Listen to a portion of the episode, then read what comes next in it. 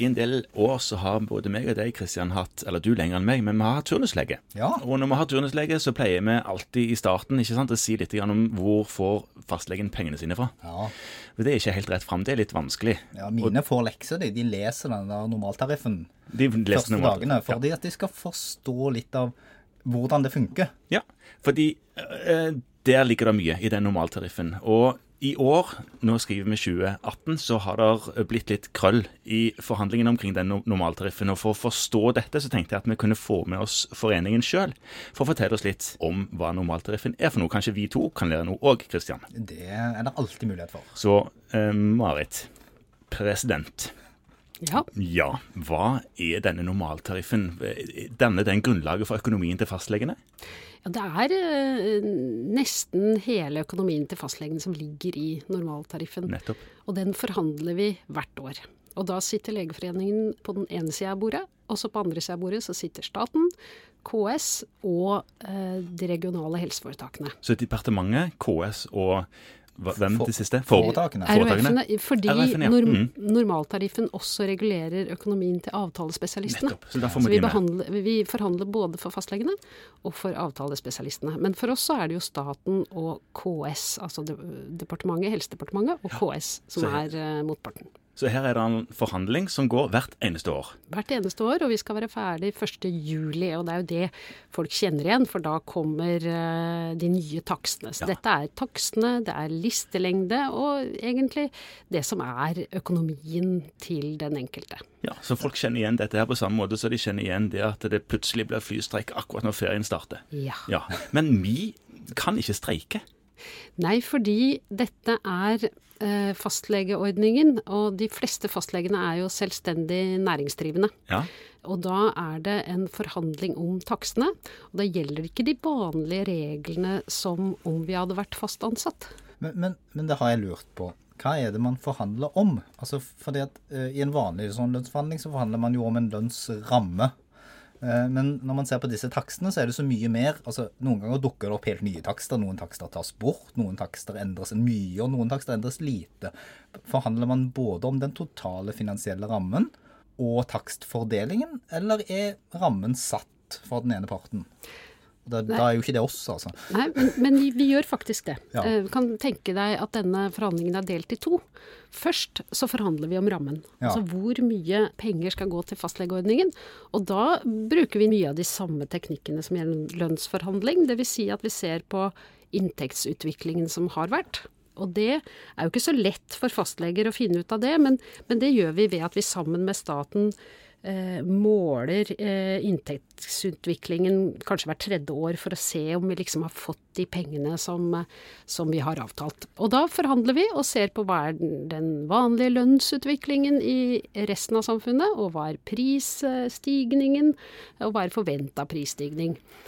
Og når vi da har forhandla rammen, så ser vi på fordelingen på takster. Ja. Og da kommer jo staten med sine behov, og så kommer vi med våre ønsker og behov. Og de har jo kommet fram i en demokratisk prosess i foreninger. Så der kan det være enkeltmedlemmer eller tillitsvalgte som over tid har spilt inn til noe som vi er enige om at vi skal fremme. Og så blir det rett og slett en forhandling hvor man som regel da blir enig til slutt.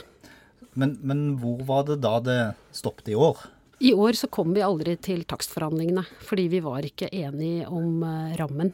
Nei, Eh, når vi har målt inntektsutviklingen for fastlegene, så ser vi at vi har over tid fått omtrent akkurat det vi har avtalt. Så der er det ikke Det er ikke sånn at vi sånn sett har sakket etter. Men det vi jo har sett, og som vi så spesielt i tidsbrukundersøkelsen som kom i vinter, er jo at fastlegene har fått mange flere oppgaver. Dvs. Si at fastlegene sitter mye lenger på kontoret. Jobber kanskje i snitt én dag lenger enn man gjorde for fem-seks år siden. Og det er ikke kompensert. Nei, for oss som sitter der ute, så vet vi jo det. At det er litt sånn det føles at det ikke er kompensert. Men, men jeg tenker det er greit at vi har fått det klart, at det var egentlig rammen det stoppet på. At staten ikke ville være med på en ramme. Og hva var det som var Legeforeningens hovedargumenter for at rammen skulle så mye opp? For det man får inntrykk av når man leser om dette og hører om dette, er det at, at Legeforeningen hadde et ganske høyt krav på hvor høy rammen burde bli, eh, som staten var helt uenig i. Det vi da er opptatt av, er at eh, det skal bli nok økonomi i ordningen til at man faktisk kan få flere leger. Og hvordan kan man få flere leger inn i ordningen? Jo, da må de legene som er der, ha færre pasienter. Altså gå ned på listen sin. Og det mener vi at må skje uten at man taper inntekt.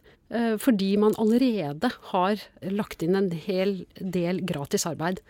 Eh, Så, så fastlegene må beholde økonomien sin, men kunne bruke nok tid til hver pasient. Og så må det være økonomi igjen til at vi faktisk kan bli flere fastleger. Eh, Og det er jo det jeg oppfatter at er kravet der ute. Man, man opplever at man har strukket seg altfor langt, jobber på grensen til forsvarlighet, eh, og dette rekrutterer jo ikke. Vi, vi ser jo nå at kommune etter kommune ikke klarer å få tak i kandidater når de lyser ut eh, ledige hjemler. Selv byer som aldri før har hatt problemer med det, har nå problemer med å fylle, fylle fastlegelistene sine, eller hjemlene sine. Ja, altså byer som eh, Lillehammer, Gjøvik, ja. som vi tenker på en måte er attraktive steder å bo. Eh, Der må de lyse ut eh, mange ganger og gjøre ekstraordinære tiltak for å få tak i fastleger. Og jeg, jeg mener at vi må jo ha betingelser som gjør at vi virkelig får rift om de gode stillingene. Mm. Men så kom det til brudd, og da kommer det siste måte, forslaget som ble lagt på bordet. Da ble det det som ble gjeldende, har jeg forstått. Ja, og det er det som er annerledes enn vanlige vanlige brudd. Ja. eh, Fordi eh, nå er det jo på et vis som om det ruller og går. Ja.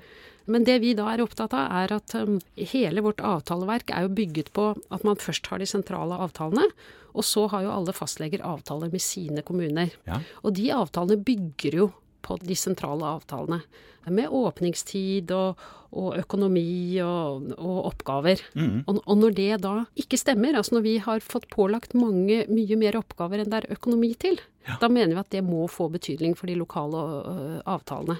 Så det er jo nå neste steg, at man nå i kommunene går i en samtale, en dialog mellom fastlegen og kommunen, og sier hvordan skal vi løse dette. Denne kapasitetsbristen som vi nå har. Mm. For nå, det, nå er det et brudd, og hvor lenge kan vi ha et brudd da? Helt til neste gang det skal forhandles, og så blir det Nytt brudd. brudd igjen? Ja, det, man, man kunne jo tenke det sånn, men, men eh, vi er jo svært bekymra for fastlegeordningen. Ja. Eh, Det er greit at vi skal evaluere og få, og få, det, få en evaluering i 2019 og en handlingsplan i 2020, men eh, hvis man bare sitter og, og, og venter på det, så kommer vi til å få en eh, kapasitet, eller en, en kunnskapsflukt. Altså, vi, Ja. vi klarer ikke å holde på de erfarne fastlegene. Vi får Nei. ikke nye fastleger. Så det, vi mener jo at det må noen strakstiltak til. Og det kan bl.a. komme i statsbudsjettet nå i oktober. Ja. Så hvis politikerne og regjeringen vil, så har de mulighet til å bevilge de pengene. Det er penger. Ja. Det er snakk om eh, vilje og prioritering, og da holder det ikke med fagre ord og, og skyve det foran seg.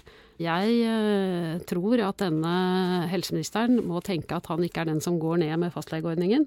Han må gjøre noe eh, konkret, noe som merkes på fastlegenes kontor.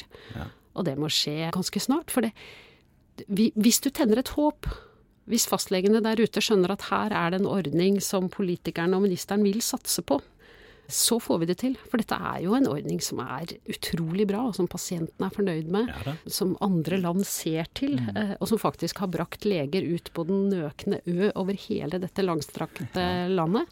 Så eh, det er fullt mulig å berge dette, men da må det komme et håp i statsbudsjettet. Stort, stort spenn. Han kan enten bli den som eh, går ned med fastlegeordningen, eller den som faktisk redder og legger premissene eh, an på en sånn måte at det blir poppis å være fastlege igjen.